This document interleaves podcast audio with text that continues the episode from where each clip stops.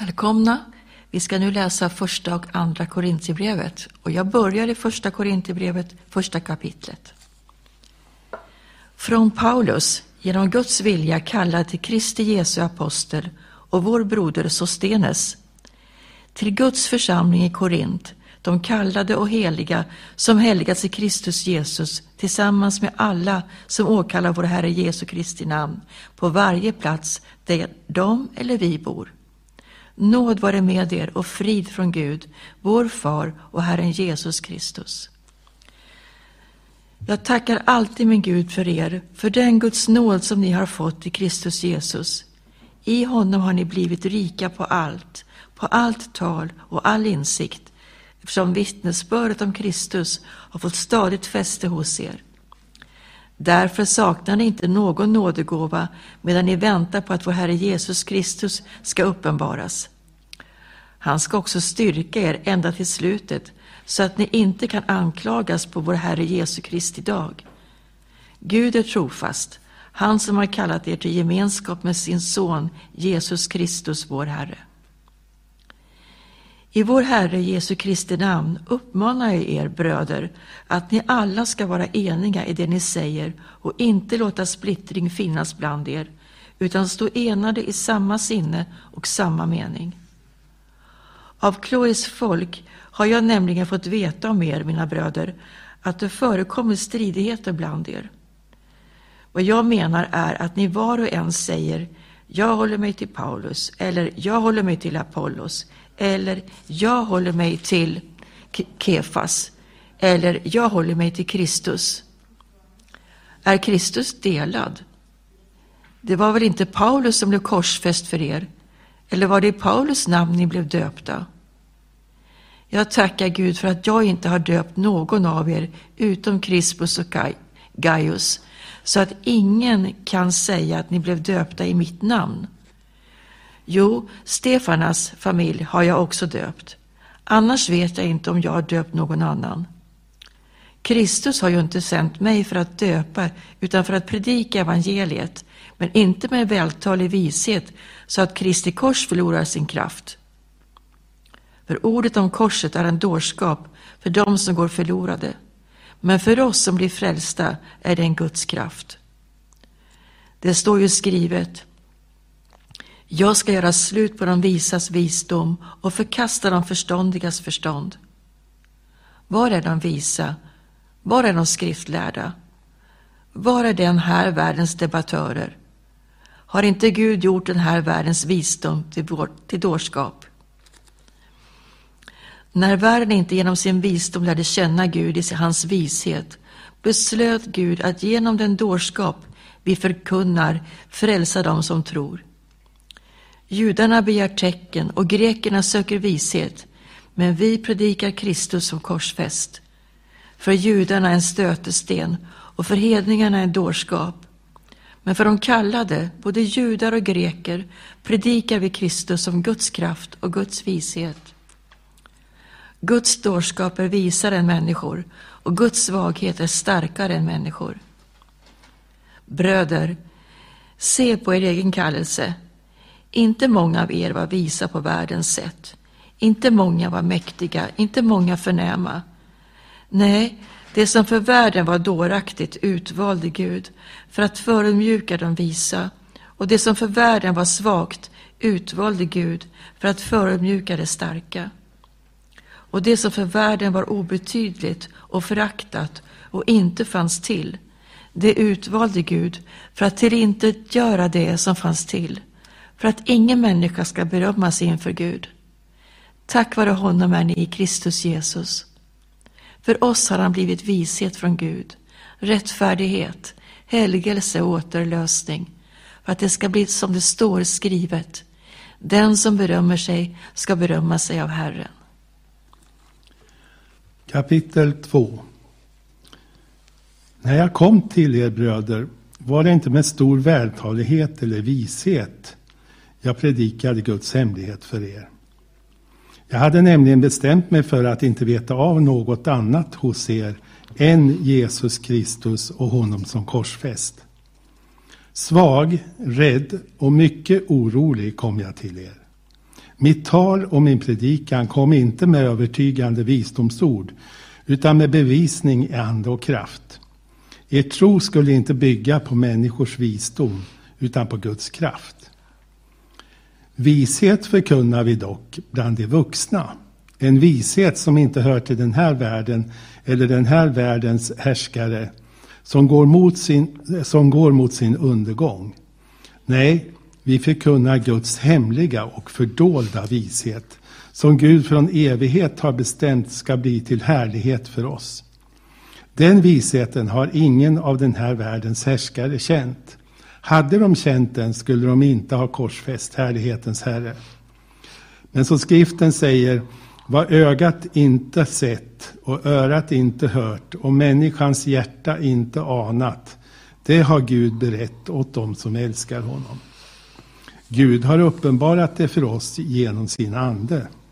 Anden utforskar allt, även djupen i Gud. Vem vet vad som finns i människan utom människans egen ande?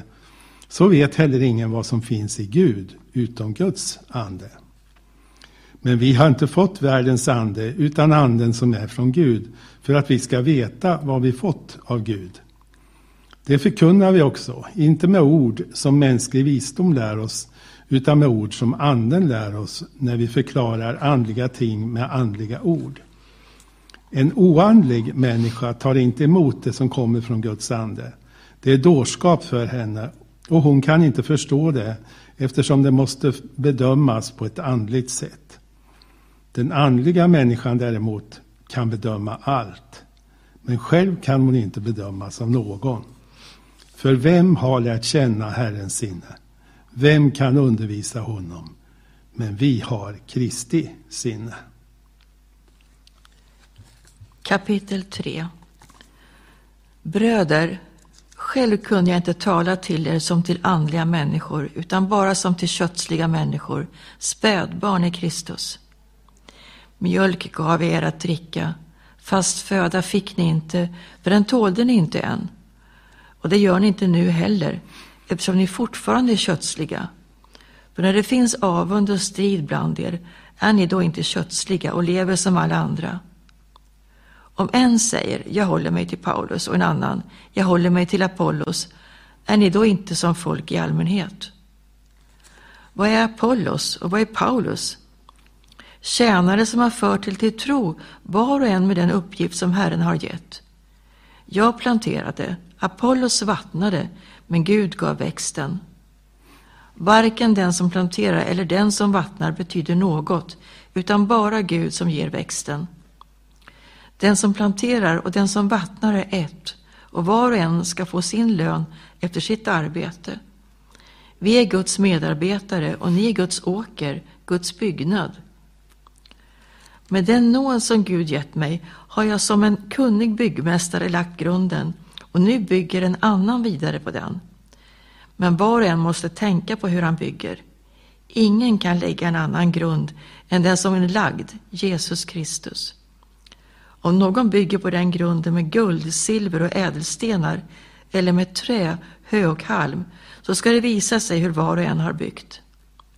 Den dagen ska visa det, för den uppenbaras i eld och elden ska pröva hur vars och ens verk är. Om det verk som någon har byggt består ska han få lön. Men om hans verk brinner upp ska han gå miste om lönen. Själv ska han dock bli frälst, men som genom eld. Vet ni inte att ni är Guds tempel och att Guds ande bor i er?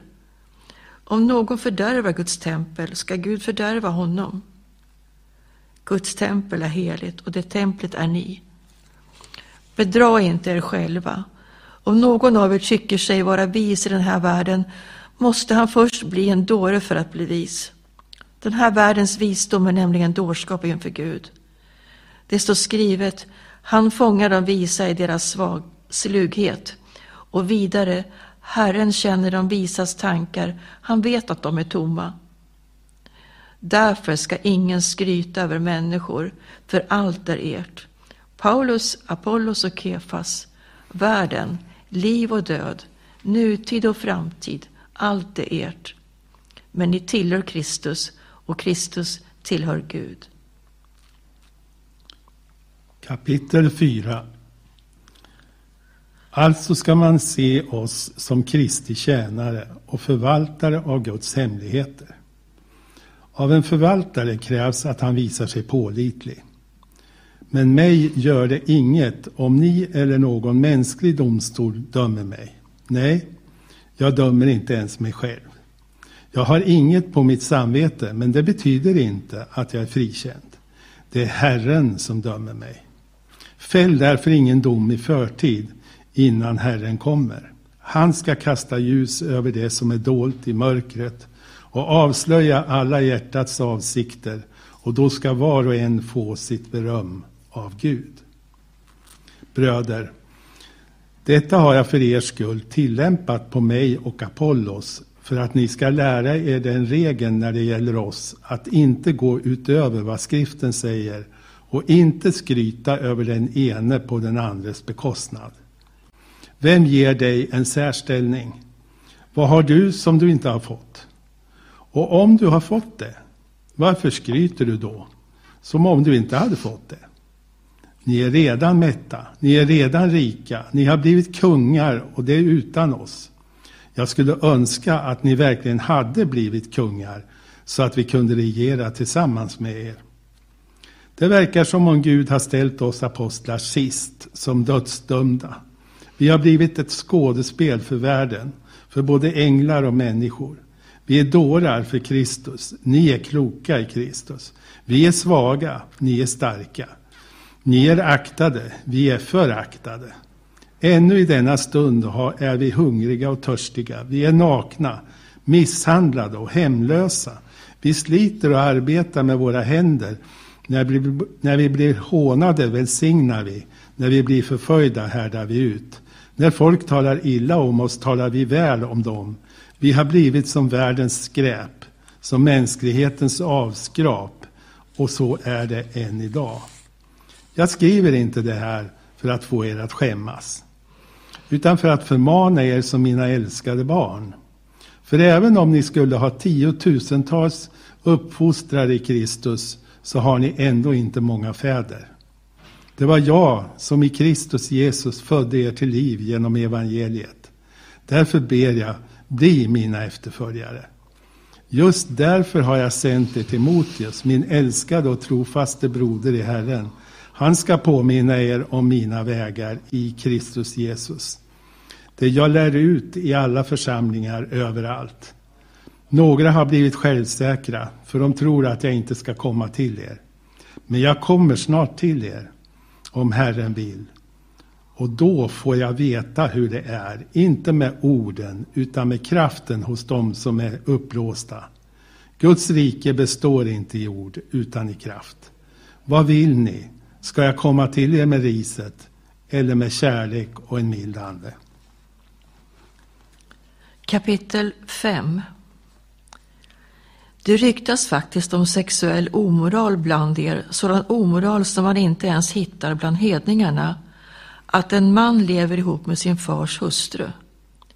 Och ändå är ni uppblåsta. Istället borde ni ha blivit så bedrövade att den som gjort det hade drivits ut ur er gemenskap.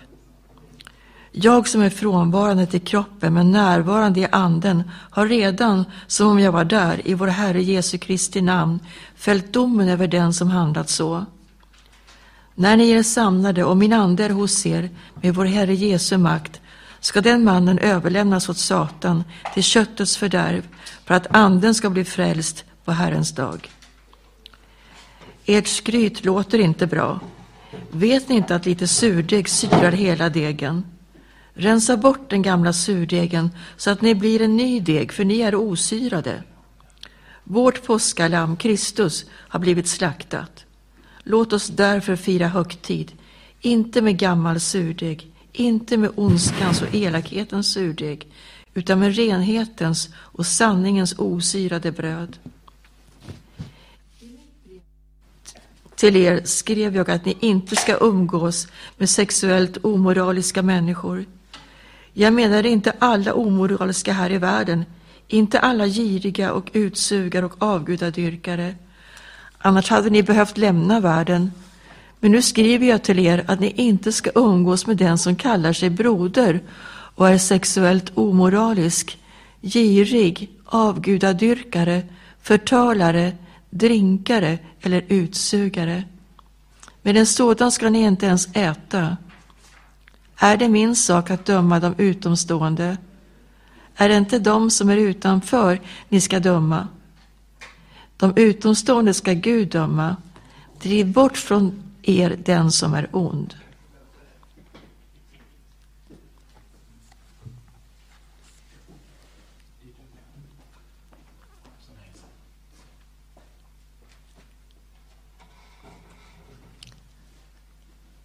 Kapitel 6. Kapitel 6. Det nya livet, kapitel 6. Vad ska vi säga? Ska vi bli kvar? Nej, nej. Inte Romarbrevet. Första Korinthierbrevet kapitel 6. Första Korinthierbrevet. Tack så mycket. Då börjar vi på första Korinthierbrevet kapitel 6. Hur kan någon av er som är i tvist med en annan gå till domstol inför de orättfärdiga och inte inför de heliga? Vet ni inte att de heliga ska döma världen? Och om världen ska dömas av er, duger ni då inte till att döma i småsaker? Vet ni inte att vi ska döma änglar? Ska ni då inte kunna döma i vardagliga ting? Men nu när ni har vardagliga tvister sätter ni folk till domare som församlingen inte har förtroende för. Det här säger jag för att ni ska skämmas. Finns det ingen förståndig bland er? Ingen som kan vara skiljedomare mellan bröder? Istället går broder till domstol med broder och detta inför otroende. Redan det att ni processar med varandra är ett nederlag för er. Varför tar ni inte heller en, en oförrätt? Varför tar ni inte heller en förlust? Istället gör ni själva orätt och roffar åt er. Och det drabbar bröder. Vet ni inte att orättfärdiga inte ska få ärva Guds rike? Bedra inte er själva, varken sexuell, o, sexuellt omoraliska eller avgudadyrkare, varken äktenskapsbrytare eller de som utövar homosexualitet eller som låter sig utnyttjas för sådant. Varken tjuvar eller giriga, varken drinkare, förtalare eller utsugare ska ärva Guds rike. Sådana har några av er varit. Men ni har tvättats rena, ni har blivit helgade, ni har förklarats rättfärdiga i Herren Jesu Kristi namn och i vår Guds ande. Allt är tillåtet för mig, men allt är inte nyttigt. Allt är tillåtet för mig, men jag ska inte, någon, inte låta något ta makten över mig. Maten är till för magen och magen för maten. Men Gud ska göra slut på dem båda. Men kroppen är inte till för omoral, utan för Herren, och Herren för kroppen. Gud har uppväckt Herren, och genom sin makt ska han uppväcka även oss. Vet ni inte att era kroppar är delar i Kristi kropp? Jag, ska jag ta del av Kristi kropp och göra dem till ett med en prostituerad kropp? Verkligen inte. Eller vet ni inte att den som för, Eh, förenar sig med en prostituerad blir en enda kropp med henne? Det heter, de två ska bli ett kött. Men den som är förenad med Herren är en ande med honom. Fly sexuell omoral. All annan synd som en, en människa begår är utanför kroppen. Men den sexuellt omoraliske syndar mot sin egen kropp. Eller vet ni inte att er kropp är ett tempel för den helige anden som bor i er och som, har, och som ni har fått av Gud? Ni tillhör inte er själva. Ni är köpta till ett högt pris. Ära då Gud med er kropp.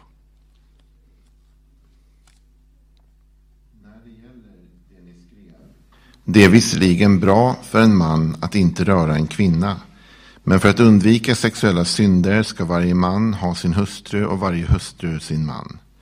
Mannen ska ge sin hustru vad han är skyldig henne och på samma sätt hustrun sin man. Hustrun bestämmer inte över sin kropp, det gör mannen. Och på samma sätt bestämmer inte mannen över sin kropp, det gör hustrun. Håller inte från varandra utom möjligen för en tid med båda samtycke för att kunna ägna er åt bönen. Kom sedan tillbaka igen så att Satan inte frestar er eftersom ni inte kan leva avhållsamt. Men detta säger jag som ett råd, inte som en befallning. Helst skulle jag vilja att alla människor var som jag, men var och en har sin gåva från Gud, den ene på ett sätt och den andra, den andra på ett annat. Till de ogifta och till änkorna säger jag, det är bäst för dem om de förblir som jag. Men kan de inte leva avhållsamt ska de gifta sig, för det är bättre att gifta sig än att brinna av begär. De gifta ger jag en befallning som inte är min utan Herrens. En hustru får inte skilja sig från sin man. Skiljer hon sig ska hon förbli ogift eller försona sig med sin man. Och en man får inte överge sin hustru.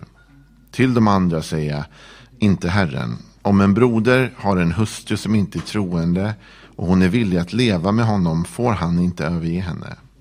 Och om en hustru har en man som inte är troende och han är villig att leva med henne får hon inte överge honom. Mannen som inte tror är nämligen helgad genom sin hustru och hustrun som inte tror är helgad genom sin troende man. Annars skulle era barn vara orena, men nu är de heliga. Men om den som inte tror vill skiljas, så låt honom skiljas. I sådana fall är brodern eller systern inte bunden som en slav. Gud har kallat er att leva i frid. För hur vet du, hustru, om du kommer att frälsa din man? Och hur vet du, man, om du kommer att frälsa din hustru? Men var och en ska leva i den ställning som Herren har tilldelat honom, så som Gud har kallat honom. Det föreskriver jag i alla församlingar. Blev någon kallad som omskuren ska han inte ändra på det. Har någon blivit kallad som oomskuren ska han inte låta omskära sig. Det har ingen betydelse om man är omskuren eller oomskuren. Vad som betyder något är att man håller Guds bud. Var och en ska bli kvar i den ställning han hade när han blev kallad. Blev du kallad som slav så bekymra dig inte över det. Men kan du bli fri, bli hellre det.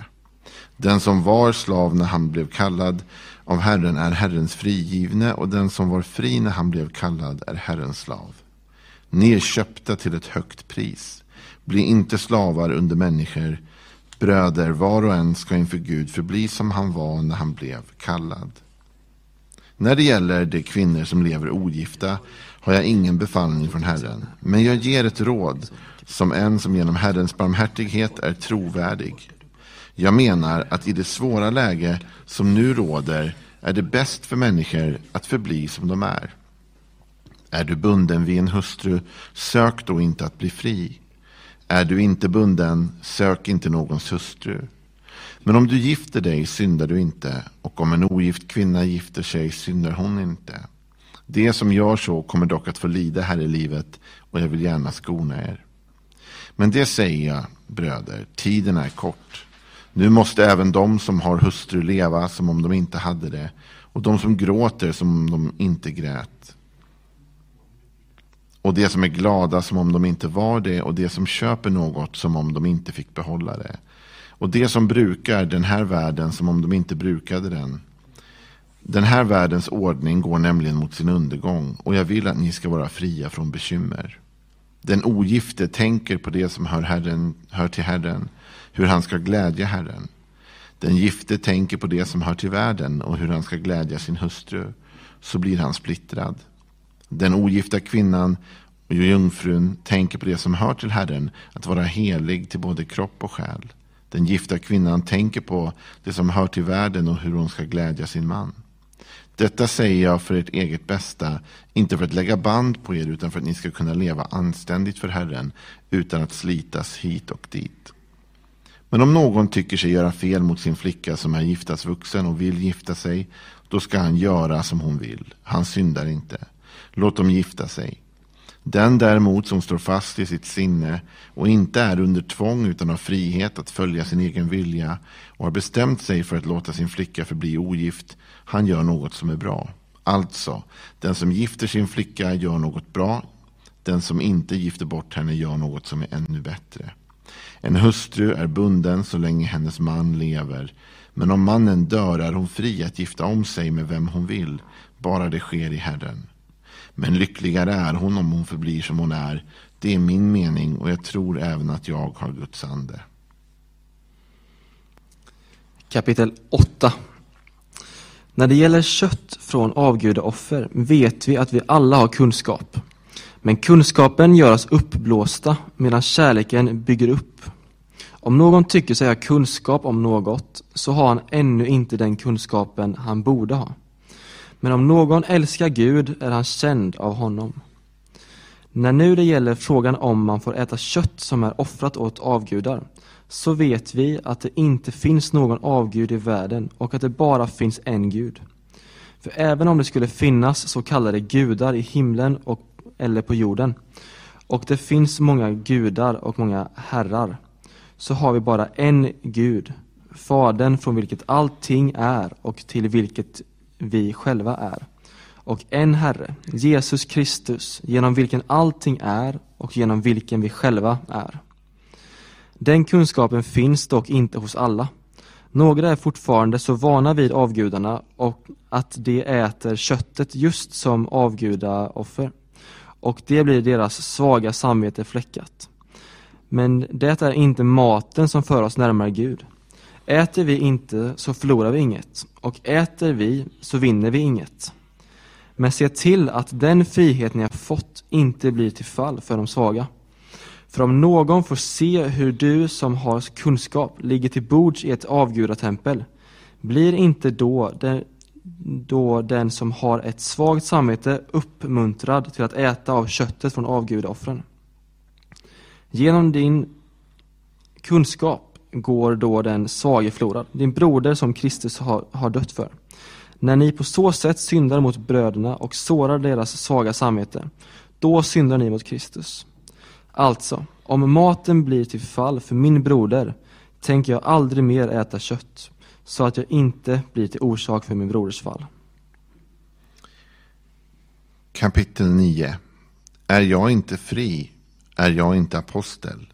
Har jag inte sett vår Herre Jesus? Är inte ni mitt verk i Herren? Om jag inte är apostel för andra så är det i alla fall för er. Ni är sigillet på mitt apostlaämbete i Herren. Mitt försvar inför dem som anklagar mig är detta. Har vi inte rätt till mat och dryck? Har inte vi rätt att föra med oss en troende hustru som de andra apostlarna och Herrens bröder och Kefas? Eller är det bara jag och Barnabas som inte har rätt att vara fria från arbete? Vem gör soldattjänst på egen bekostnad?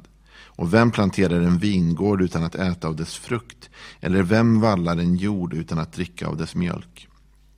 Säger jag det här som ett rent mänskligt åsikt? Säger inte lagen samma sak? Det står skrivet i Mose lag, du ska inte binda för munnen på oxen som tröskar. Är det oxarna Gud bekymrar sig om? Säger han det inte snarare för vår skull? Jo, för vår skull blev det skrivet att den som plöjer och den som tröskar ska göra det i hopp om att få sin del. När vi har sått andliga ting hos er, är det då för mycket begärt om vi skördar materiella ting från er? Om andra har rätt att få del av det som är ert, har inte vi det ännu mer? Men vi har inte utnyttjat den rättigheten utan finner oss i allt för att inte skapa hinder för Kristi evangelium. Vet ni inte att de som tjänstgör i templet äter av det som kommer från templet och att de som tjänar vid altaret får sin del av altaret? Så har Herren också befallt att de som predikar evangeliet ska leva av evangeliet. Men jag har inte utnyttjat någon sådan förmån och jag skriver inte det här för att få det heller. Hellre dör jag, ingen ska ta ifrån mig min berömmelse. Att jag predikar evangeliet är inget jag ska ha beröm för, det är ett måste för mig. Ve mig om jag inte predikar evangeliet. Gör jag det frivilligt har jag lön, men gör jag det för att jag måste är det ett förvaltarskap som anförtrotts mig. Vad är då min lön?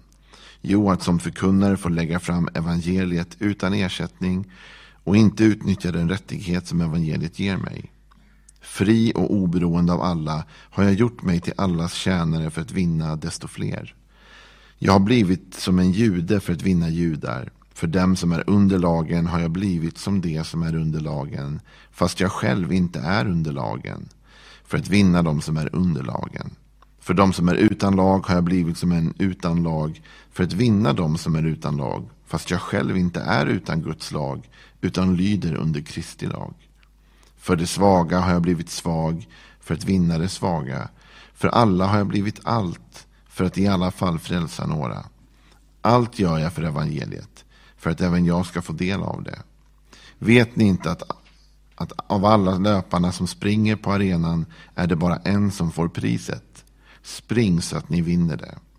Alla som tävlar måste ha disciplin i allt de gör. I allt. De gör det för att vinna en segerkrans som vissnar. Vi för en som aldrig vissnar. Jag springer alltså inte utan att ha målet i sikte. Jag boxas inte likt en som slår i tomma luften. Istället är jag hård mot min kropp och tvingar den till lydnad för att inte själv komma till korta när jag predikar för andra.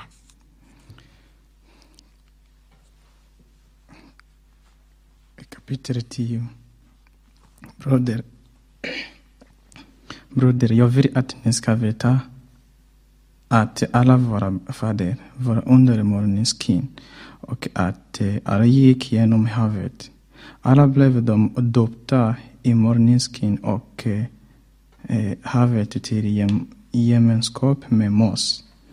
Alla åt de, eh, de samma andliga mat och alla drack de samma andliga dryck. De drack ur en andlig krypa som följde dem och den krypa var Kristus. Men de flesta av dem hade Gud inte behag till utan de får och råg utspridda i öknen. Det som, han, det som hände dem att de har blivit att varenda exempel för oss för att eh, vi inte ska ha begär till, eh, till det ond som, som de har. Bry inte heller av, av eh, Gud eh, av guddyrkare som några av dem som det står skrivet. Folk sätter sig för att äta och dricka och läste sig för att lära sig. Vi ska inte heller be, begå sexuell, sexuell synd som några av dem gjort på en enda dag för 23 000. Och vi ska inte fresta, fresta Kristus som några av dem gjort då de dödades av Omar. Kroga inte heller som några av dem gjort. De, dödad, de dödades av eh, fördärvaren. Det som, han, det som hände dem är eh, exempel och det skrev ner för att varna oss som har världen slut in, in på oss. Därför, des, eh, därför ska, ska den som tror sig stå sig till att eh, han inte faller. Ingen annan frestelse har drabbat, drabbat er än vad människor förmåta. Och Gud är trofast. Han ska inte tillåta att ni ska frestas över er förmåga. Samtidigt med frestelsen kommer han också att ge en utväg så att ni kan härda ut. Därför, mina älskade fri av, gudadyrkan, jag talar till förstående, eh, förståndiga människor Bedöm själva vad jag säger. Välsningen är sen, begära som vi älskar, Välsignad är den inte gem, gemenskap med Kristi brud. Brödet som vi byter är de inte gemenskap med Kristi kropp. Eftersom, eftersom bröd, eh, brödet är ett, är är vi som är många en enda kroppen.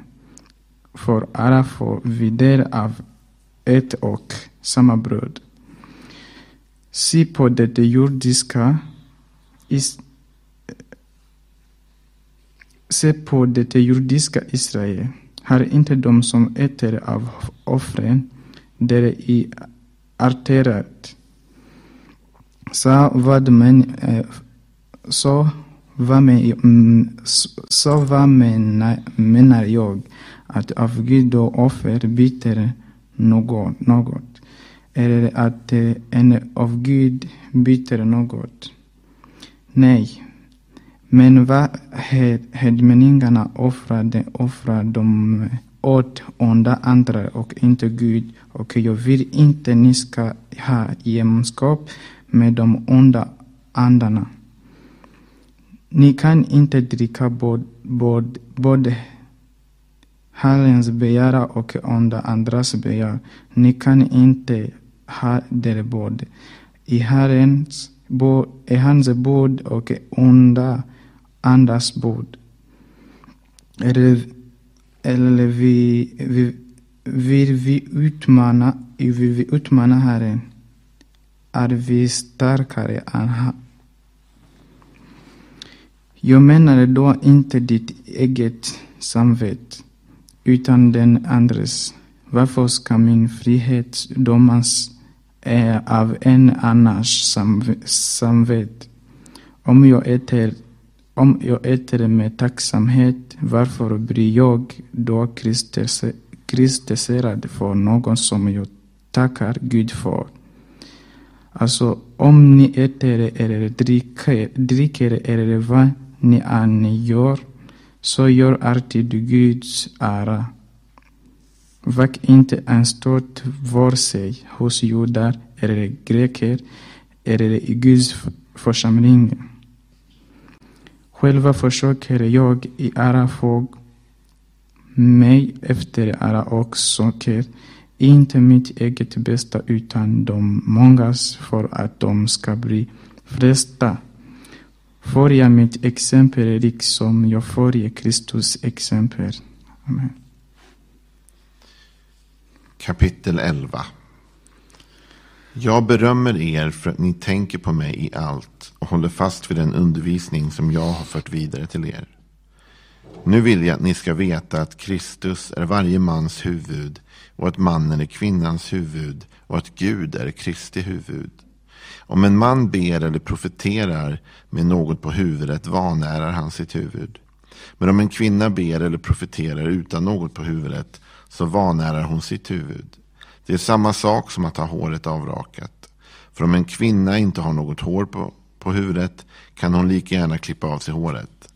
Men om det är en skam för en kvinna att klippa eller raka av sig håret så bör hon ha något på huvudet. En man bör inte ha något på huvudet eftersom han är Guds avbild och ära. Men kvinnan är mannens ära, för mannen kommer inte från kvinnan utan kvinnan från mannen. Och mannen skapades inte för kvinnan utan kvinnan för mannen. Och därför bör kvinnan ha makt på huvudet för änglarnas skull. Men i Herren är kvinnan inte oberoende av mannen eller mannen oberoende av kvinnan. För liksom kvinnan har kommit från mannen så blir också mannen till genom kvinnan och allt kommer från Gud. Döm själva. Passar det sig att en kvinna ber till Gud utan att ha något på huvudet, lär inte själva naturen er att det är en skam för en man att ha långt hår, men en ära för kvinnan eftersom hon har fått håret som en slöja. Men om någon har lust att strida om detta har vi ingen sådan sed, inte heller Guds församlingar. När jag nu ger dessa föreskrifter berömmer jag er inte, för era sammankomster är mer till skada än till nytta. Först och främst hör jag att det förekommer splittring ibland er när ni möts i församlingen, och till viss del tror jag att det är så.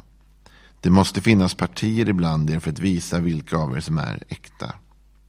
Men när ni samlas går det inte att fira Herrens måltid, för ni äter var och en för när ni äter tar var och en genast för sig av sin egen mat.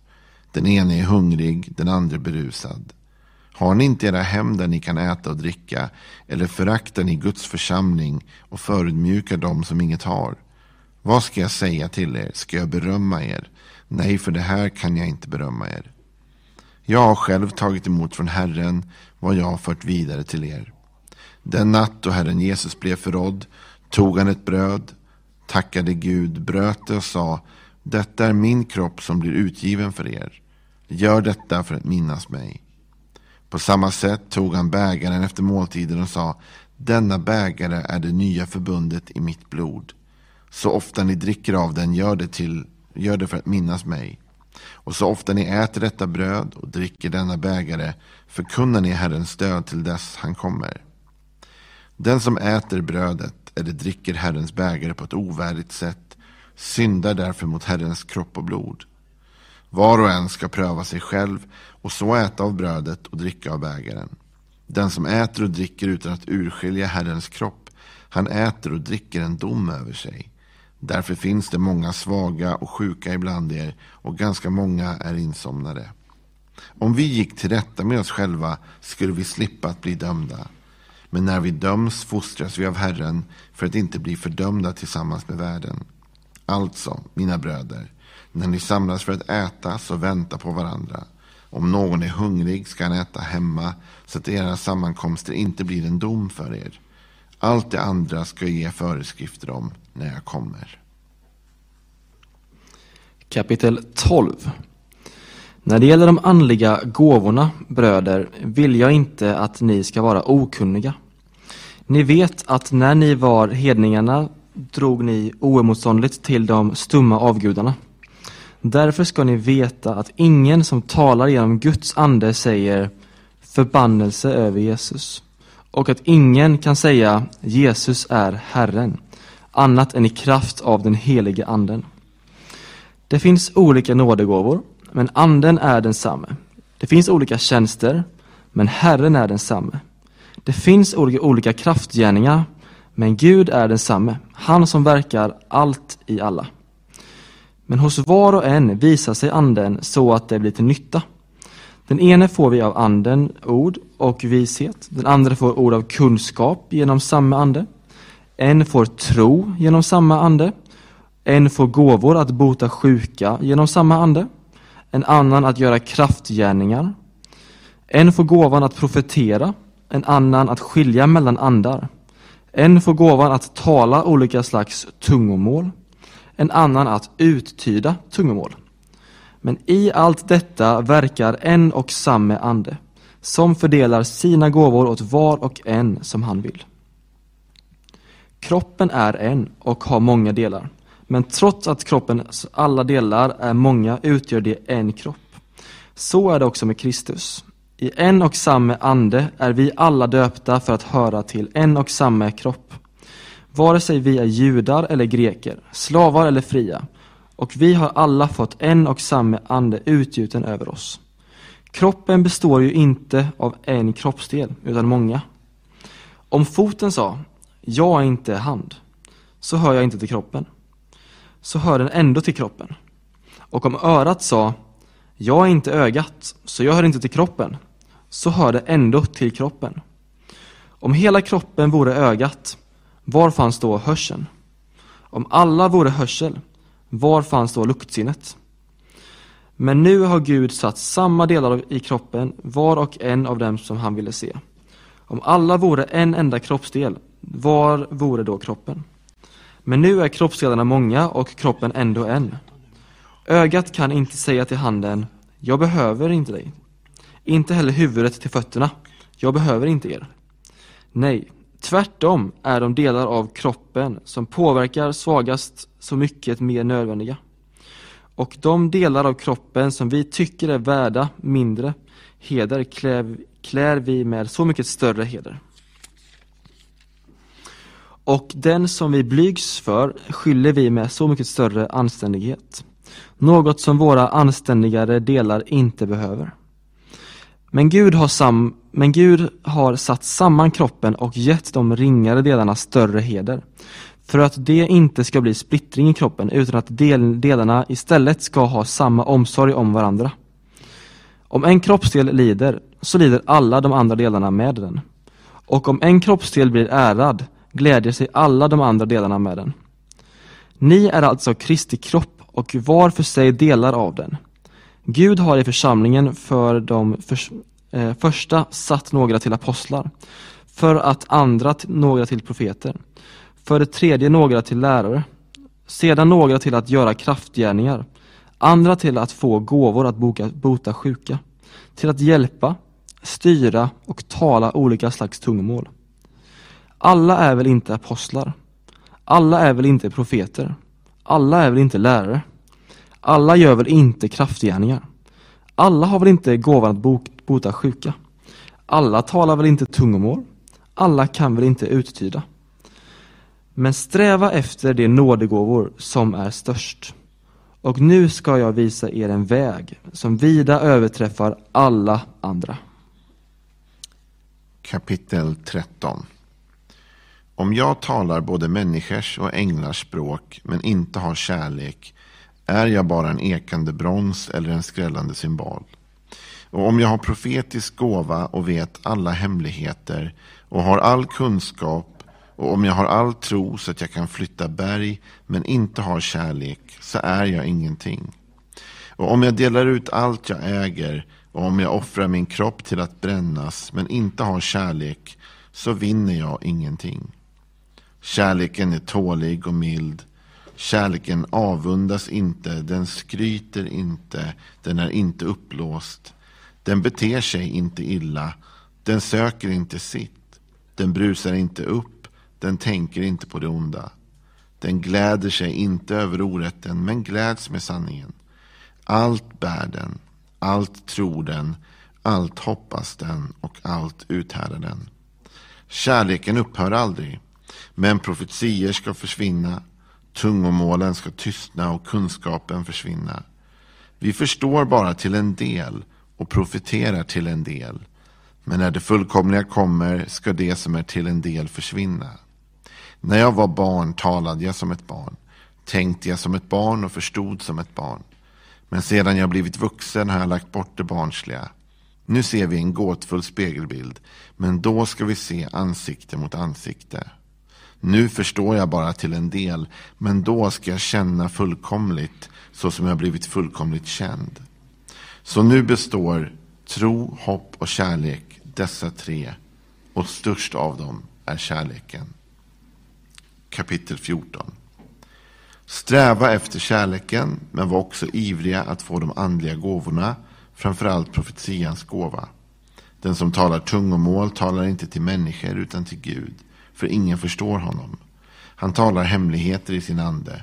Men den som profeterar talar till människor och ger uppbyggelse, uppmuntran och tröst. Den som talar tungomål bygger upp sig själv, men den som profeterar bygger upp församlingen. Jag vill gärna att ni alla talar tungomål, men hellre att ni profeterar. Den som profeterar är viktigare än den som talar med tungomål, ifall han inte uttyder sitt tal så att församlingen blir uppbyggd. Bröder, tänk om jag kommer till er och talar tungomål. Vad hjälper det er ifall jag inte ger någon uppenbarelse eller kunskap eller profetia eller undervisning? På samma sätt är det med livlösa instrument som ger ljud ifrån sig, till exempel flöjt eller harpa. Om det inte är någon skillnad mellan tonerna, hur ska man då kunna förstå vad som spelas? Och om en trumpet ger en otydlig signal, vem gör sig då redo till strid? Så är det också med er. Om ni inte talar begripliga ord med era tungor, hur ska man då kunna förstå vad ni säger? Då talar ni i tomma luften. Hur många språk det än finns i världen så är inget utan mening. Men om jag inte vet vad ljuden betyder blir jag en främling för den som talar och den som talar blir en främling för mig. Så är det också med er. Eftersom ni är ivriga att få andens gåvor, sök då sådana som bygger upp församlingen så att ni har dem i överflöd. Vers 13. Därför ska den som talar tungdomar be om att, att kunna uttyda det. För om jag ber med tungdomar så ber mina ande, men mitt förstånd ber bär ingen frukt. Vad innebär då det?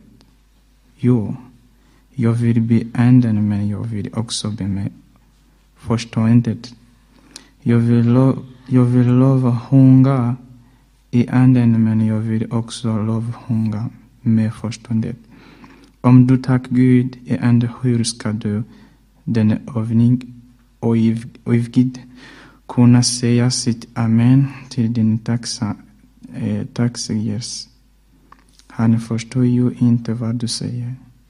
Du gör rätt i att tacka Gud, men den äldre blir inte uppbryggd. Jag tackar Gud för att jag tål tungdom mer än någon av er. Men i församlingen vill jag hellre tala fem ord med mitt förstånd- för att undervisa andra ande än tiotusen med tungdomar. Broder, var inte barn till förståndet. Nej, var barn står skriverlägg. Genom flammande språk och flammande rappare ska jag tala detta folk och inte ens då ska de lyssna till mig, säger Herren. Alltså är, alltså är tungmåren ett tecken inte för de troende utanför dem de otroende med, medan profetian är ett tecken inte för de otroende utan för de troende. Om nu herreförsamlingen församlingen samlas och alla talar tungdomar och det kommer in några som inte förstår eller inte tror, säger de då, de då inte att ni är hjärna. Men om är profeterar och det kommer in e, en som inte tror eller inte förstår, då blir han avslöjad av ära och dömd av ära. Hans hjärtas hemlighet upp, uppbär, uppbäras och han faller ner på sitt ansikte och till, tillber Gud och erkänner Gud finns över krigen i er. Ska uttyda Vers 26. Hur ska det då vara blodet? Jo, ni, ni samlas här var och en något att ge, en psalm, undervisning, eh, en upp, uppenbars tugotala och uttydning. Låt att bli till uppbärgas. Om någon talar tungmål för två eller högt tretal är i sänder och någon ska tyda. Finns, finns det ingen som utdelar ska, ska tungmålstalaren för tills församlingen och istället tala för sig själv och för Gud. Två eller tre profeter ska tala och de andra ska prova det som sägs. Men om någon annan som sitter där för, för en uppbärelse ska den först vara tyst. Ni kan alla profetera en i sänder så att arabri blir undervisad och arabri uppmuntrade. Och profeternas andra ändrådna säg profeterna. För Gud är inte ordningsens Gud utan fridens. Liksom i alla de heligas församlingar ska, ska kvinnorna vara tyst i er församling? De får inte tala utan ska underlådna sig som också längd sig. Vill de veta någon ska de fråga sin man där hemma. För det är en skam för en kvinna att tala i församlingen. Var det kanske från er som Gud ord gick ut, eller var det bara tid det, det kom. Om någon tror sig vara profetet eller ändring ska han inse att det jag skriver till er är Herrens bud. Om någon inte erkänner det är han själv inte erkänd. Alltså mina bröder var ivriga att profetera och hindra inte tungomorstarandet men låt arten ska värdig och med ordning. Kapitel 15 Bröder, jag vill påminna er om evangeliet som jag predikade för er och som ni tog emot och som ni står fasta i. Genom evangeliet blir ni frälsta om ni håller fast vid ordet som jag förkunnade. Annars var det ingen mening med att ni kom till tro. Jag förde vidare till er det allra viktigaste, vad jag själv har tagit emot. Att Kristus dog för våra synder enligt skrifterna, att han blev begravd, att han uppstod på tredje dagen enligt skrifterna och att han visade sig för Kefas och sedan för de tolv. Därefter visade han sig för mer än 500 bröder på samma gång. De flesta av dem lever än, även om några har insomnat. Sedan visade han sig för Jakob och därefter för alla apostlarna. Och allra sist visade han sig också för mig som ett ofullgånget foster. Jag är ju den minsta av apostlarna, inte värd att kallas apostel, eftersom jag har förföljt Guds församling. Men genom Guds nåd är jag vad jag är, och hans nåd mot mig har inte varit förgäves, utan jag har arbetat mer än alla de andra, fast inte jag själv, utan Guds nåd som har varit med mig. Och vare sig det nu var jag eller de andra, så är detta vi förkunnar och detta ni har kommit till tro på. Men om det nu predikas att Kristus har uppstått från de döda, hur kan då några bland er säga att det inte finns någon uppståndelse från de döda? Om det inte finns någon uppståndelse från de döda har inte heller Kristus uppstått. Men om Kristus inte har uppstått, då är vår predikan meningslös och även er tro meningslös. Då står vi där som falska vittnen om Gud eftersom vi har vittnat om att Gud har uppväckt Kristus som han ju inte har uppväckt ifall det verkligen är så att de döda inte uppstår. För om döda inte uppstår har inte heller Kristus uppstått. Men om Kristus inte har uppstått då är er tro meningslös och ni är fortfarande kvar i era synder. Och i så fall är de som har insomnat i Kristus förlorade. Om det bara är för detta livet som vi har vårt hopp till Kristus, då är vi det mest ömkligaste av alla människor. Men nu har Kristus verkligen uppstått från de döda, som förstlingen av de insomnade. Eftersom döden kom genom en människa, kom också de dödas uppståndelse genom en människa. Liksom alla dör i Adam, så ska också alla göras levande i Kristus. Men var och en i sin ordning. Kristus som förstlingen, och därefter när han kommer, de som tillhör honom. Sedan kommer slutet, när han överlämnar riket åt Gud Fadern, sedan han gjort slut på världens välde, varje makt och kraft. Han måste regera tills han har lagt alla fiender under sina fötter. Som den sista fienden berövas döden sin makt. För allt har han lagt under hans fötter. Men när det sägs att allt är lagt under honom gäller det ju självklart inte Gud som har lagt allting under Kristus. Och när allt har blivit lagt under honom, då ska sonen själv underordna sig den som har lagt allting under honom, så att Gud blir allt i alla. Vad uppnår annars det som döper sig för de döda?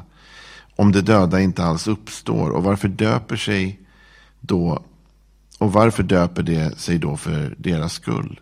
Och vi, varför utsätter vi oss för faror jämt och ständigt? Jag dör varje dag, så sant som jag i vår Herre Kristus Jesus är stolt över er bröder. Om jag hade tänkt som människor i allmänhet när jag kämpade mot vilddjuren i Efesos, vad hade jag haft för nytta av det? Om de döda inte uppstår kan vi äta och dricka, för imorgon dör vi. Låt inte bedra er. Dåligt sällskap fördärvar goda vanor. Nyktra till på allvar och synda inte. Några av er känner inte Gud och till er skam säger jag det. Nu kanske någon frågar. Hur uppstår de döda? Vad har de för kropp när de kommer? Du oförståndige, det du sår får inte liv om det inte dör. Och det du sår har inte den form det ska få, utan är ett naket korn, kanske av vete eller något annat slag.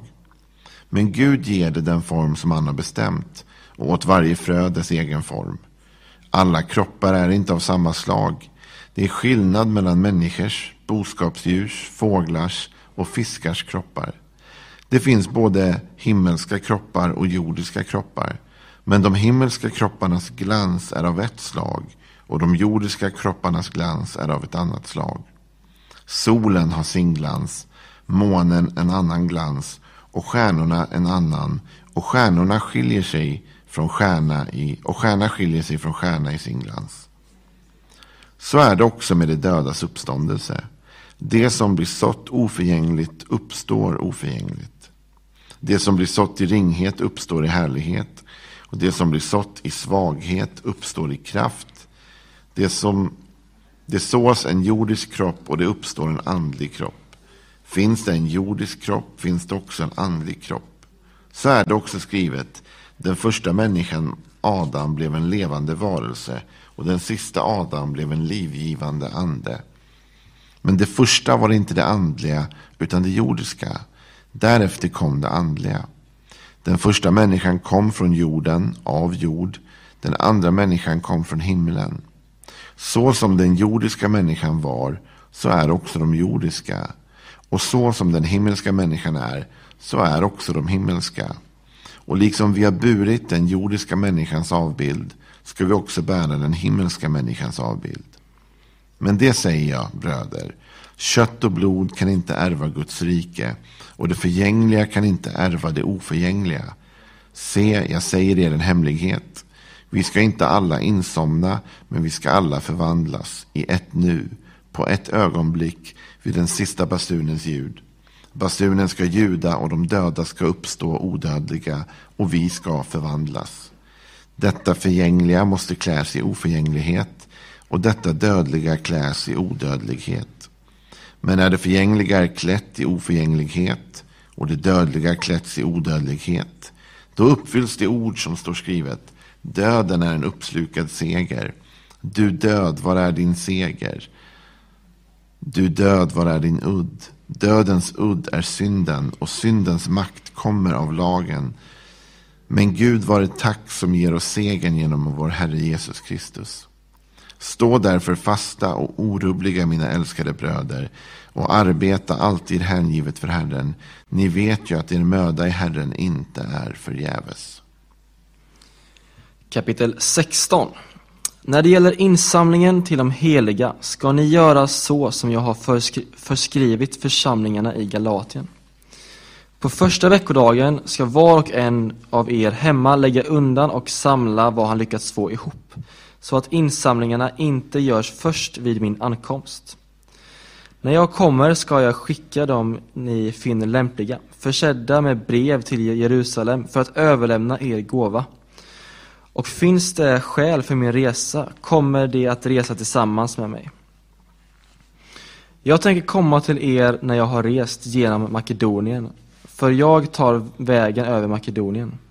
Men hos er stannar jag en tid om det går, kanske hela vintern, så att ni får utrusta mig för fortsatt färd, vart det nu blir. Jag vill inte besöka er nu på genomresa, för jag hoppas kunna stanna hos er en tid om Herren tillåter. I Efesos stannar jag till pingst, för en dörr står öppen för mig till ett stort omfattande arbete, och motståndarna är många. När Timoteus kommer, se då till att han kan vara hos er utan oro, för han arbetar med Herrens verk, precis som jag. Därför får ingen se ner på honom. Hjälp honom iväg i frid så att han kan komma till mig. Jag och bröderna väntar på honom. När det gäller vår broder Apollos har jag ivrigt uppmanat honom att resa till er tillsammans med bröderna. Men han ville inte alls åka nu, utan reser när han får tillfälle. Vaka, stå fasta i tron, var modiga och starka. Låt allt hos er ske i kärlek. Jag ber er, bröder, ni vet ju att Stefans familj är Akajas förs, eh, förstlingsfrukt och att de har ställt sig till de heligas tjänst. Rätta er därför efter sådana människor och alla andra som är och arbetar och kämpar. Jag är glad att Stefans eh, Fortun, eh, Fort, eh, Fortunatus och Akajas har kommit. De har fyllt tomrummet efter er och upplivat både min och er ande, sådana som dem som ni, uppsk som ni uppskattar. Församlingarna i Asien hälsar till er. Akil, äh, Akilla och Priska har, och församlingen i deras hus hälsar hjärtligt till er i Herren. Alla bröder hälsar till er, hälsar varandra med en helig kyss. Denna hälsning skriver jag, Paulus, med egen hand. Om någon inte älskar Herren ska han vara under förbannelse. Maranata. Men Herren Jesu nåd vare med er. Min kärlek är med er alla i Kristus.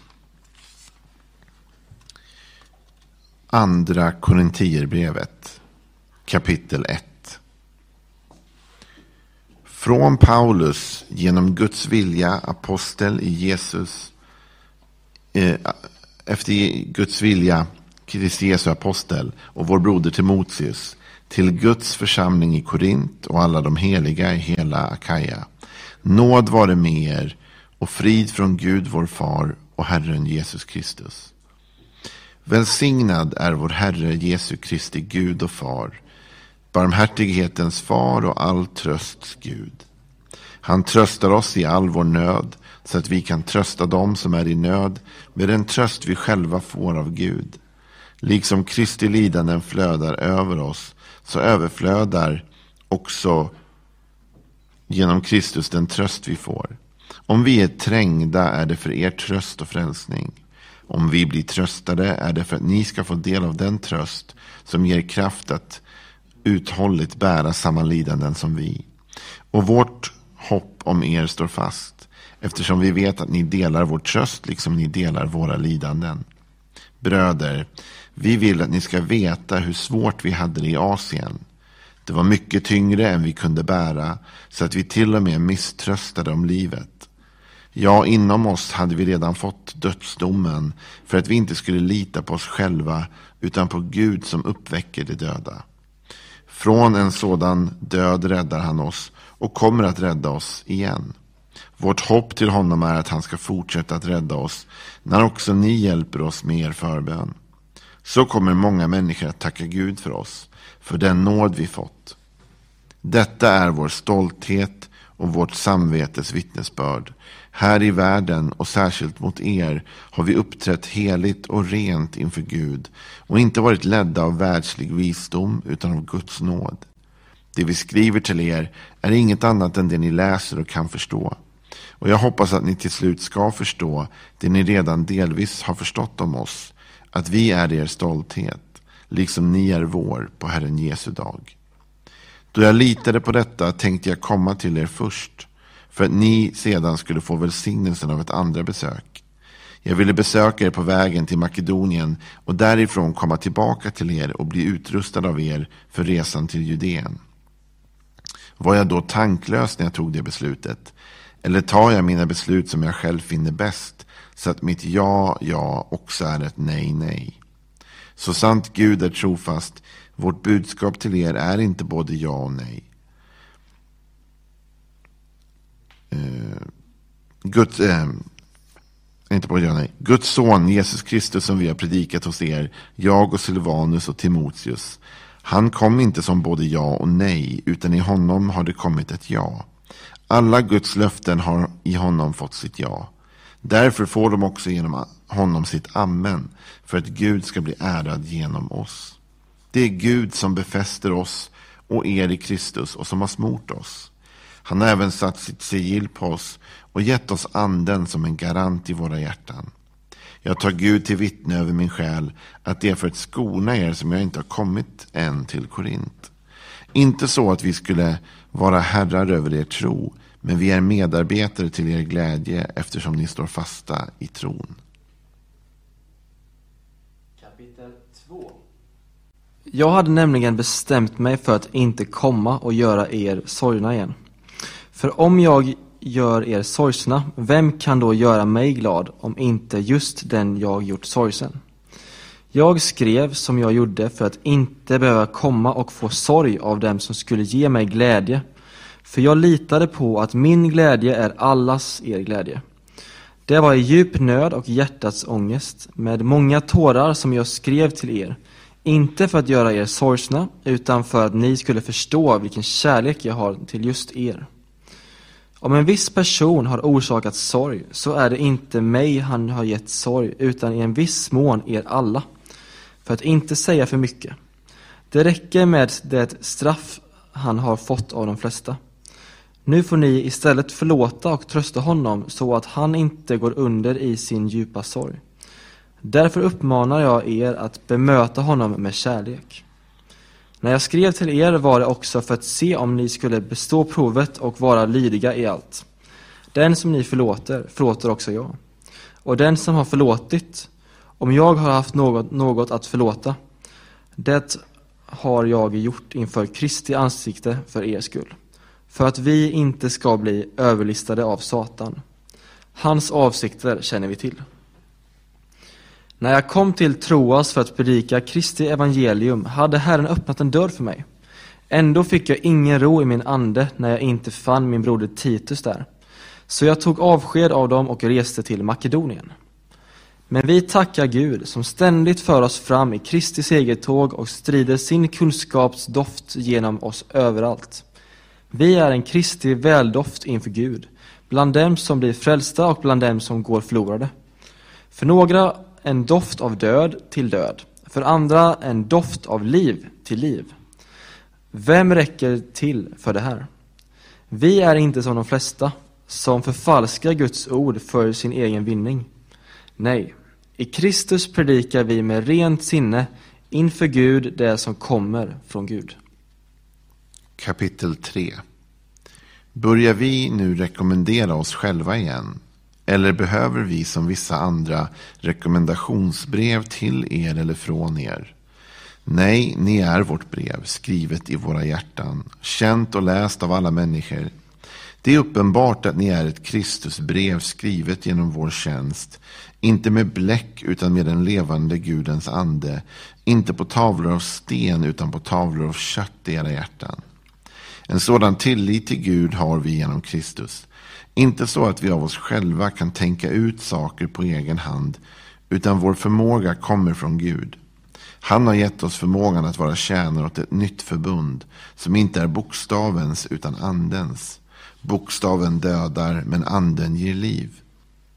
Redan dödens tjänst, inristad med bokstäver på stenar, kom med sådan härlighet att Israels barn inte kunde se på Mose ansikte för dess strålglans, även om den glansen bleknade. Hur mycket större härlighet ska då inte andens tjänst ha? Om redan fördömelsens tjänst hade härlighet, hur mycket rikare på härlighet är då inte rättfärdighetens tjänst? Det som förr hade härlighet har nu ingen härlighet alls jämfört med den överväldigande härligheten.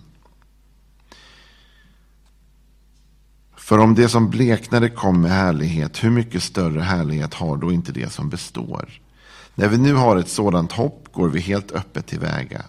Vi gör inte som Mose som satte en slöja för sitt ansikte för att Israels barn inte skulle se hur det som bleknade försvann. Men deras sinnen blev förhärdade. Än idag är samma slöja kvar när de läser det gamla förbundets skrifter och den lyfts inte bort, först i Kristus försvinner den. Ja, än idag ligger en slöja över deras hjärtan när de läser Mose. Men när någon omvänder sig till Herren tar slöjan bort. Herren är anden och där Herrens ande är, där är frihet.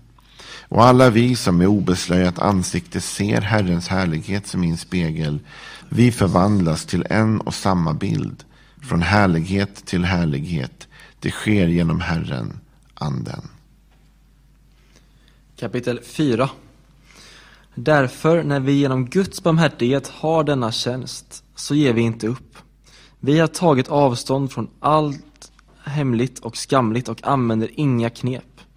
Vi förfalskar inte Guds ord, utan lägger öppet fram sanningen och överlämnar oss inför Gud åt varje människas samvete.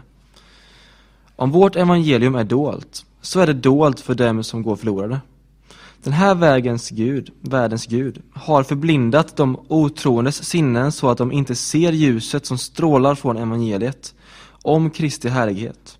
Han som, sök, han som är Guds avbild. Vi predikar inte oss själva, utan Jesus Kristus som Herren och oss som era tjänare för Jesus skull. Gud som sa, ljus ska lysa ur mörkret. Han har lyst upp våra hjärtan för att kunskapen om Guds härlighet som strålar från Kristi ansikte ska sprida sitt ljus. Men denna skatt har vi i lerkär, för att den väldiga kraften ska vara Guds och inte komma från oss. Vi är ständigt trängda, men inte instängda, rådvilliga, men inte rådlösa, förföljda, men inte övergivna, nedslagna, men inte utslagna. Alltid bär vi Jesu död i vår kropp, för att också Jesu liv ska bli synligt i vår kropp. Vi som lever utlämnas ständigt åt döden för Jesus skull, för att också Jesu liv ska uppenbaras i vår dödliga kropp. Så verkar döden i oss och livet i er. Men vi har samma trons ande som i skrifto, skriftordet. Jag tror, därför talar jag. Även tror och därför talar vi. Vi vet ju att han som uppväckte Herren Jesus också ska uppväcka oss med Jesus och låta oss träda fram tillsammans med er. Allt sker för er skull. För att nåden ska nå allt fler och få tacksägelsen att flöda över till Guds ära. Därför ger vi inte upp. Även om vår yttre människa bryts ner förnyas vår inre människa dag för dag. Vår nöd, som är kortvarig och väger lätt, bereder åt oss en väldig och överväldigande härlighet som väger tungt och varar för evigt. Vi riktar inte blicken mot det synliga, utan mot det osynliga. Det synliga är förgängligt, men det osynliga är evigt. Kapitel 5 vi vet att om vårt jordiska tält rivs ner så har vi en byggnad från Gud, en evig boning i himlen som inte är gjord av människohand. Därför suckar vi i vårt tält och längtar att få iklä oss vår himmelska boning. För när vi väl är iklädda den ska vi inte stå där nakna. Ja, vi som bor i detta tält suckar tungt. Vi vill ju inte bli avklädda utan påklädda så att det som är dödligt uppslukas av livet. Och den som berett oss för just detta är Gud som har gett oss anden som är garant. Därför är vi alltid vid gott mod, även om vi vet att vi är borta från Herren så länge vi är hemma i kroppen. Vi lever här i tro utan att se, men vi är ändå vid gott mod och skulle hellre flytta bort från kroppen och vara hemma hos Gud, hos Herren. Därför sätter vi en ära i att vara till behag för honom, vare sig vi är hemma eller borta. Vi måste alla träda fram inför Kristi domstol för att var och en ska få igen vad han har gjort här i livet, gott eller ont. Vi vet alltså vad det är att frukta Herren och därför försöker vi vinna människor. För Gud är det uppenbart hurudana vi är och jag hoppas att det också är uppenbart för era samveten. Vi vill inte rekommendera oss själva igen inför er, bara ge er tillfälle att vara stolta över oss. Då har ni något att svara dem som skryter med det yttre och inte med det som finns i hjärtat. Har vi varit från våra sinnen så var det för Gud. Är vi sansade och samlade så är det för er. Kristi kärlek driver oss, för vi är övertygade om att en har dött för alla och därför har alla dött. Och han dog för alla för att de som inte längre lever ska leva för sig själva, inte längre ska leva för sig själva utan för honom som har dött och uppstått för dem. Därför känner vi inte längre något på ett ytligt sätt. Även om vi har känt Kristus på ett ytligt sätt känner vi honom inte så längre. Om någon är i Kristus så är han alltså en ny skapelse. Det gamla är förbi, något nytt har kommit. Och allt kommer från Gud som har försonat oss med sig själv genom Kristus och gett oss försoningens tjänst. Gud var i Kristus och försonade världen med sig själv. Han tillräknar inte människorna deras överträdelser och han har anförtrott oss försoningens ord. Vi är alltså sändebud för Kristus och Gud vädjar genom oss. Vi ber på Kristi uppdrag, låt försona er med Gud. Han som inte visste av synd, honom gjorde Gud till synd i vårt ställe för att vi i honom skulle bli rättfärdiga inför Gud. Som Guds medarbetare uppmanar vi er också att ta emot Guds nåd så att den blir till nytta. Han säger ju, jag bönhör dig i nådens tid, jag hjälper dig på frälsningens dag. Nu är den rätta tiden, nu är frälsningens dag. Vi vill inte på något sätt väcka anstöt för att vår tjänst inte ska smutskastas. Nej, i allt vill vi visa att vi är Guds tjänare, i stor uthållighet, i lidande, nöd och ångest, i misshandel, fångenskap och upplopp, i arbete, nattvak och svält, i renhet och insikt, i tålamod och godhet, i den helige Ande, i uppriktig kärlek, med sanningens ord och Guds kraft, med rättfärdighetens vapen i höger och vänster hand, i ära och vanära, i vanrykte och gott rykte. Vi kallas villolärare, men är sanningssägare. Vi är okända, men ändå erkända. Vi är döende, men lever. Vi är tuktade, men inte dödade. Vi är bedrövade, men alltid glada. Vi är fattiga, men gör många rika. Vi har inget, men äger allt. Vi talar öppet till er, korintier. Våra hjärtan är vidöppna. Ni har det inte trångt hos oss, men i era hjärtan är det trångt. Gör som vi. Nu talar jag som till barn, och öppna också ni era hjärtan. Gå inte som omaka par i ok med dem som inte tror. Vad har rättfärdighet med orättfärdighet att göra? Eller vad har ljus gemensamt med mörker? Vilken samstämmighet har Kristus med Beliar? Eller vad kan den som tror dela med den som inte tror? Vad kan Guds tempel ha för gemenskap med avgudarna? Vi är den levande Gudens tempel, för Gud har sagt jag ska bo hos dem och vandra bland dem och vara deras Gud, och det ska vara mitt folk. Därför säger Herren, gå ut från dem och skilj er från dem och rör inte vid något orent. Då ska jag ta emot er och jag ska vara er far och ni ska vara mina söner och döttrar, säger Herren den allsmäktige. Kapitel 7 när vi nu har dessa löften, mina älskade, så låt oss rena oss från allt som befläckar kött och ande och fullborda vår helgelse i vördnad för Gud. Ge oss rum i era hjärtan. Vi har inte gjort orätt mot någon, inte skadat någon och inte utnyttjat någon. Det säger jag inte för att fördöma er. Jag har redan sagt att ni har en plats i våra hjärtan så att vi både dör och lever tillsammans. Jag har stort förtroende för er. Jag är mycket stolt över er. Jag är uppfylld av tröst och har glädje i överflöd mitt i all vår nöd. När vi kom till Makedonien fick vi ingen ro. Vi var trängda på alla sätt, utifrån av konflikter och inifrån av oro. Men Gud, som tröstar de modlösa, tröstade oss genom att Titus kom, och inte bara genom hans ankomst, utan också genom trösten han fått hos er. Han berättade för oss om er längtan, er klagan och er iver för mitt bästa, och då gladde jag mig ännu mer. För även om jag gjorde er sorgsna med mitt brev, så ångrar jag det inte. Först ångrade jag mig, för jag såg att brevet gjorde er sorgsna, om än bara för ett tag. Men nu gläder jag mig, inte för att ni blev sorgsna, utan för att sorgen har lett till ånger. Ni blev sorgsna så som Gud vill, och därför har ni inte tagit någon skada genom oss. En sorg efter Guds vilja ger en ånger som man inte ångrar och som leder till frälsning. Men världens sorg, den leder till död. Se vad den här sorgen från Gud har fört med sig hos er. Vilken hängivenhet, vilka förklaringar, vilken upprördhet, vilken fruktan, vilken längtan, vilken iver och vilken bestraffning. I allt har ni visat er oskyldiga i den här saken. När jag skrev till er var det alltså inte med tanke på den som gjort orätt eller den som har drabbats, utan för att det skulle bli klart för er inför Gud hur ivrigt ni tar er an vår sak. Det har gett oss tröst. Utöver den trösten kom det till ännu större glädje över att se Titus så glad. Ni har alla styrkt hans ande. Om jag har berömt er inför honom så har jag inte behövt skämmas för det. Nej, liksom allt vi har sagt er är sant, så har också vårt beröm inför Titus varat, visat sig vara sant.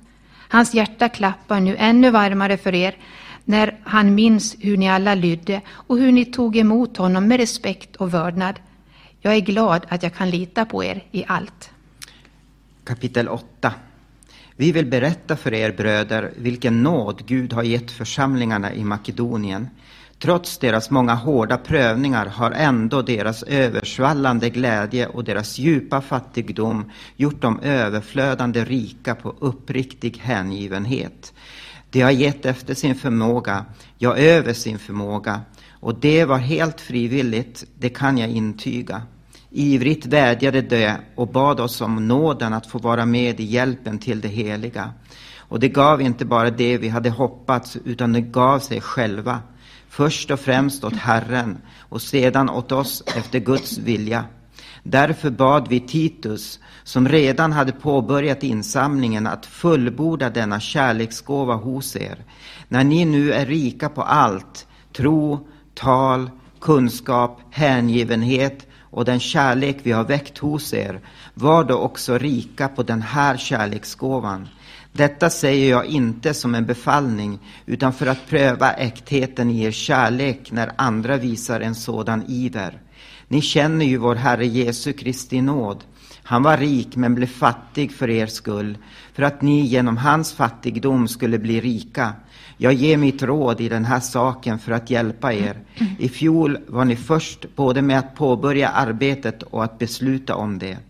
Fullborda nu arbetet så att ni som med god vilja tog, tog beslutet också genomför det utifrån vad ni har. Finns den goda viljan är den välkommen med vad den har och bedöms inte efter vad den inte har. Vi vill inte att andra ska få det bättre och ni få det svårt, utan att alla ska ha det lika. Just nu ska ert överflöd avhjälpa deras brist, så att deras överflöd en annan gång kan avhjälpa er brist. Så blir det lika för alla. Som det står skrivet, den som samlat mycket hade ingenting över och den som samlat lite saknade ingenting. Vi tackar Gud som har väckt samma iver för er i Titus hjärta. Han lyssnade till vår maning och blev så ivrig att han av egen fri vilja gav sig iväg till er. Tillsammans med honom har vi sänt en broder som får beröm i alla församlingar för sitt arbete i evangeliets tjänst. Och inte bara det, han är också vald av församlingarna till att följa med oss på resan med gåvan som vi förmedlar till Herrens ära och som bevis på vår goda vilja. Så undviker vi att någon kritiserar oss för hur vi förmedlar den frikostiga gåvan. Vi är nämligen noga med att göra det som är rätt, inte bara inför Herren utan också inför människor. Tillsammans med dem har vi sänt ännu en broder som vi ofta och på många sätt har prövat och funnit hängiven, särskilt nu eftersom han har så stort förtroende för er. Titus är min vän och medarbetare hos er och våra andra bröder är församlingarnas sändebud till Kristi ära. Ge dem nu inför församlingarna bevis på er kärlek och på att vi hade rätt när vi berömde dem berömde er inför dem. Kapitel 9 Egentligen behöver jag inte skriva till er om hjälpen till det heliga. Jag vet hur villiga ni är och inför makedonierna brukar jag berömma er och berätta att Akaja har varit redo sedan i fjol. Er iver har sporrat de flesta. Nu sänder jag ändå bröderna för att vårt beröm av er i denna sak inte, visa sig, inte ska visa sig vara tomt prat och för att ni ska vara förberedda, som jag redan har nämnt. Annars får vi, för att inte säga ni, stå där och skämmas när makedonierna som kommer med mig ser att ni är oförberedda, trots vårt förtroende för er. Därför tycker jag mig behöva be bröderna resa till er och förbereda er utlovade gåva så att den kan ligga färdig som en gåva och inte bli ett krav. Men tänk på detta. Den som sår sparsamt får skörda sparsamt och den som sår rikligt får skörda rikligt. Var och en ska ge vad han har bestämt i sitt hjärta, inte med olust eller tvång, för Gud älskar en glad givare. Och Gud har makt att ge er all nåd i överflöd, så att ni alltid och i allt har nog av allt och kan ge i överflöd till varje gott verk. Skriften säger, han strör ut, han ger åt de fattiga, hans rättfärdighet består för evigt. Han som ger såningsmannen säd till att så och bröd till att äta, han ska ge er utsäde och mångdubbla det och låta er rättfärdighet ge god skörd. Då blir ni rika på allt och kan vara generösa i allt och det väcker tacksamhet till Gud när vi överlämnar gåvan. Den hjälp ni ger i denna insamling fyller inte bara det heligas behov utan bär också rik frukt genom att många tackar Gud. När ni visar er äkthet genom denna hjälp prisar de Gud för att ni följer er bekännelse till Kristi evangelium och så godhjärtat delar gemenskapen med dem och med alla. Det kommer också att be för er och längta efter er på grund av Guds överväldigande nåd mot er. Gud vare tack för hans obeskrivligt rika gåva. Kapitel 10 Jag, Paulus, som är så ödmjuk när jag möter er ansikte mot ansikte, men modig när jag är långt borta. Jag uppmanar er vid Kristi mildhet och godhet och ber. Tvinga mig inte att vara så modig och bestämd hos er som jag inte tvekar att vara mot vissa som menar att vi går fram på världens vis. För även om vi lever i världen strider vi inte på världens sätt. Vapnen vi strider med är inte kötsliga utan har kraft från Gud att bryta ner fästen. Ja, vi bryter ner tankebyggnader och allt högt som reser sig mot kunskapen om Gud. Vi gör varje tanke till en lydig fånge hos Kristus och vi är beredda att straffa all olydnad så snart er lydnad blivit fullständig. Se vad som är uppenbart. Om någon är övertygad om att han tillhör Kristus, då ska han ha klart för sig att vi tillhör Kristus lika mycket som han. Ja, även om jag skulle vara ännu frimodigare med den auktoritet som Herren har gett oss för att bygga upp er, inte för att bryta ner er, så skulle jag inte behöva skämmas. Jag vill inte att det ska verka som att jag vill skrämma er med mina brev. Breven, säger man, har tyngd och kraft, men när han kommer själv är han svag och man förhaktar hans ord. Den som säger så ska veta att sådana vi är i ord, i våra brev på håll, sådana är vi också i handling när vi är hos er. Inte så att vi vågar jämföra eller mäta oss med vissa av dem som rekommenderar sig själva. De mäter sig med sig själva och jämför sig med sig själva, men de förstår ingenting. Vi däremot berömmer oss inte gränslöst, utan håller oss inom gränsen för det område som Gud har tilldelat oss, att vi skulle nå fram även till er. Vi går inte för långt i vårt beröm, som om vi aldrig hade nått fram till er. Vi var ju det första som nådde er med Kristi evangelium. Vi vill inte berömma oss gränslöst av andras arbete, men när er tro växer hoppas vi att vårt arbetsfält hos er ska utvidgas kraftigt. Då kan vi förkunna evangeliet i områden bortom ert och behöver inte berömma oss av det som redan är uträttat på någon annans område. Den som berömmer sig ska berömma sig av Herren. Det är ju inte den som rekommenderar sig själv som består provet, utan den som Herren rekommenderar. Kapitel 11 Hoppas att ni kan stå ut med lite dårskap från min sida. Visst står ni ut med mig eftersom jag brinner för er med Guds iver. Jag har trolovat er med en, en enda man, Kristus, och jag vill föra fram en ren jungfru till honom. Men jag är rädd att liksom ormen med sin list förledde Eva, så kan också era sinnen förföras och vändas bort från den uppriktiga och rena troheten mot Kristus. För om någon kommer och predikar en annan Jesus än den vi har predikat, eller om ni tar emot en annan ande eller ett annat evangelium än det ni tidigare tagit emot, då accepterar ni det gärna. Jag menar att jag inte på något sätt är underlägsen dessa superapostlar. Även om jag inte är någon vältalare saknar jag inte kunskap, och den har vi alltid och på alla sätt lagt fram för er. Eller var det en synd jag begick när jag ödmjukade mig för att ni skulle upphöjas och predikade Guds evangelium för er utan ersättning? Andra församlingar plundrade jag genom att ta emot lön för att kunna tjäna er. När jag var hos er sak och saknade något låg jag ingen till last, för bröderna som kom från Makedonien försåg mig med det jag behövde. På alla sätt aktade jag mig för att bli en börda för er, och det tänker jag fortsätta med. Så sant Kristi sanning finns i mig ska ingen i Akajas område ta ifrån mig den stoltheten. Varför? För att jag inte älskar er? Det vet Gud att jag gör. Och jag tänker fortsätta göra det jag gör för att hindra dem som söker ett tillfälle att framstå som våra jämlik jämlikar i vad de skryter med. Sådana människor är falska apostlar, oärliga arbetare, förklädda till Kristi apostlar. Och inte undra på det, Satan själv förklär sig till en ljusets ängel. Då är det inte underligt, och även hans tjänare förklär sig till rättfärdighetens tjänare. Men de ska få det slut som deras gärningar förtjänar. Jag upprepar igen, ingen får ta mig för en dåre. Men om ni nu gör det, ta då emot mig som en dåre så att också jag får berömma mig lite. Det jag nu säger, det säger jag inte så som Herren skulle säga, utan som en dåre, i den fasta övertygelsen att jag har skäl att berömma mig. När många berömmer sig på människors vis vill också jag göra det. Ni står ju gärna ut med dårar, ni som är så kloka. Ni accepterar att man gör er till slavar, att man suger ut och plundrar er, att man uppträder överlägset och slår er i ansiktet. Till min skam måste jag säga att vi har varit svaga för det. Men vad andra vågar skryta med, jag talar som en dåre, det vågar jag också. Är det hebreer? Jag också. Är de israeliter? Jag också. Är de Abrahams barn? Jag också. Är de Kristi tjänare? Nu talar jag som en galning. Jag är det ännu mer.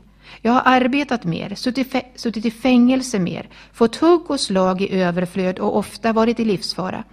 Av judarna har jag fått 40 rapp minus ett. Tre gånger har jag blivit piskad med spö. En gång har jag blivit stenad. Tre gånger har jag lidit skeppsbrott. Ett helt dygn har jag drivit på öppet hav. Jag har ofta varit på resor, i faror på floder, faror bland rövare, faror från landsmän, faror från hedningar, faror i städer, i öknar och på hav, faror bland falska bröder. Allt under möda och slit, ofta under vaknätter, under hunger och törst, ofta fastande, frusen och naken. Utöver allt annat har jag det dagliga ansvaret, omsorgen om alla församlingarna.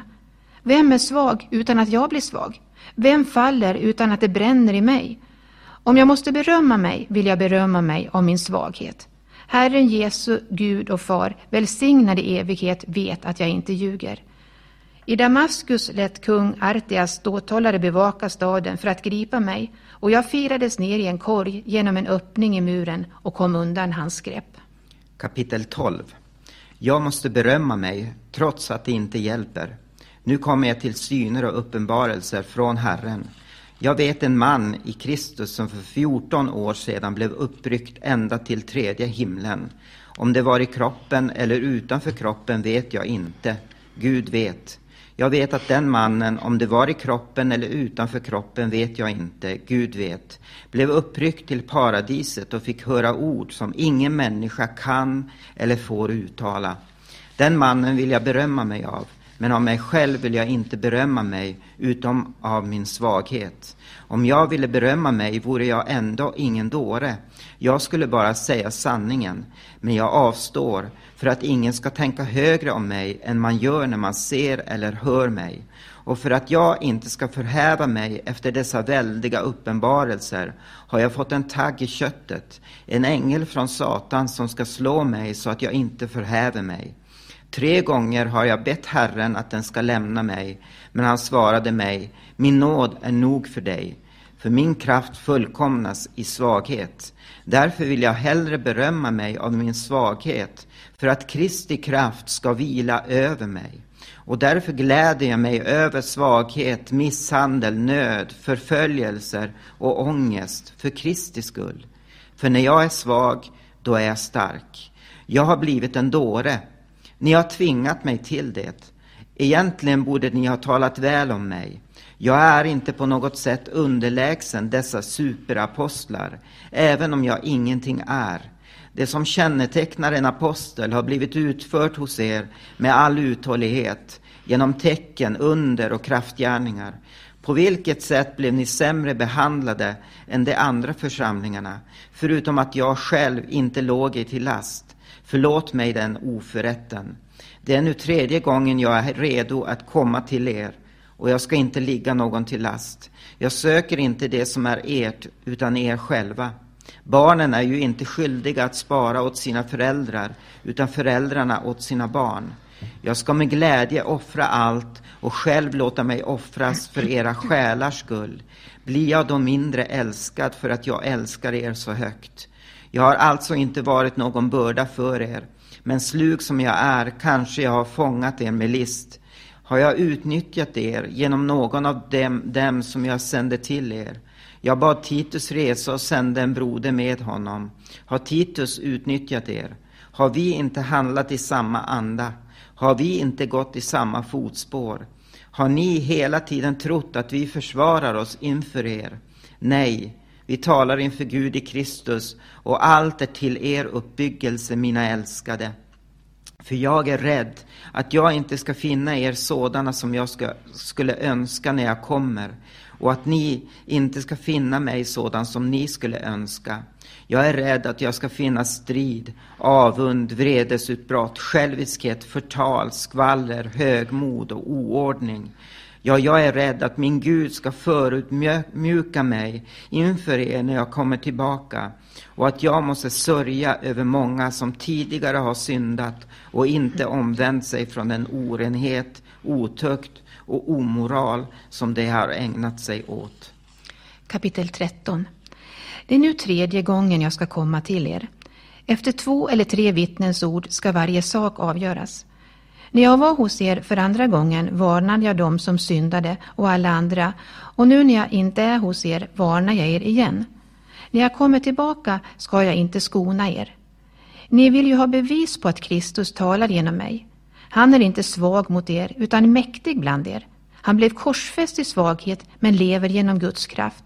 Så är också vi svaga i honom men vi ska leva med honom genom Guds kraft som ni ska få känna.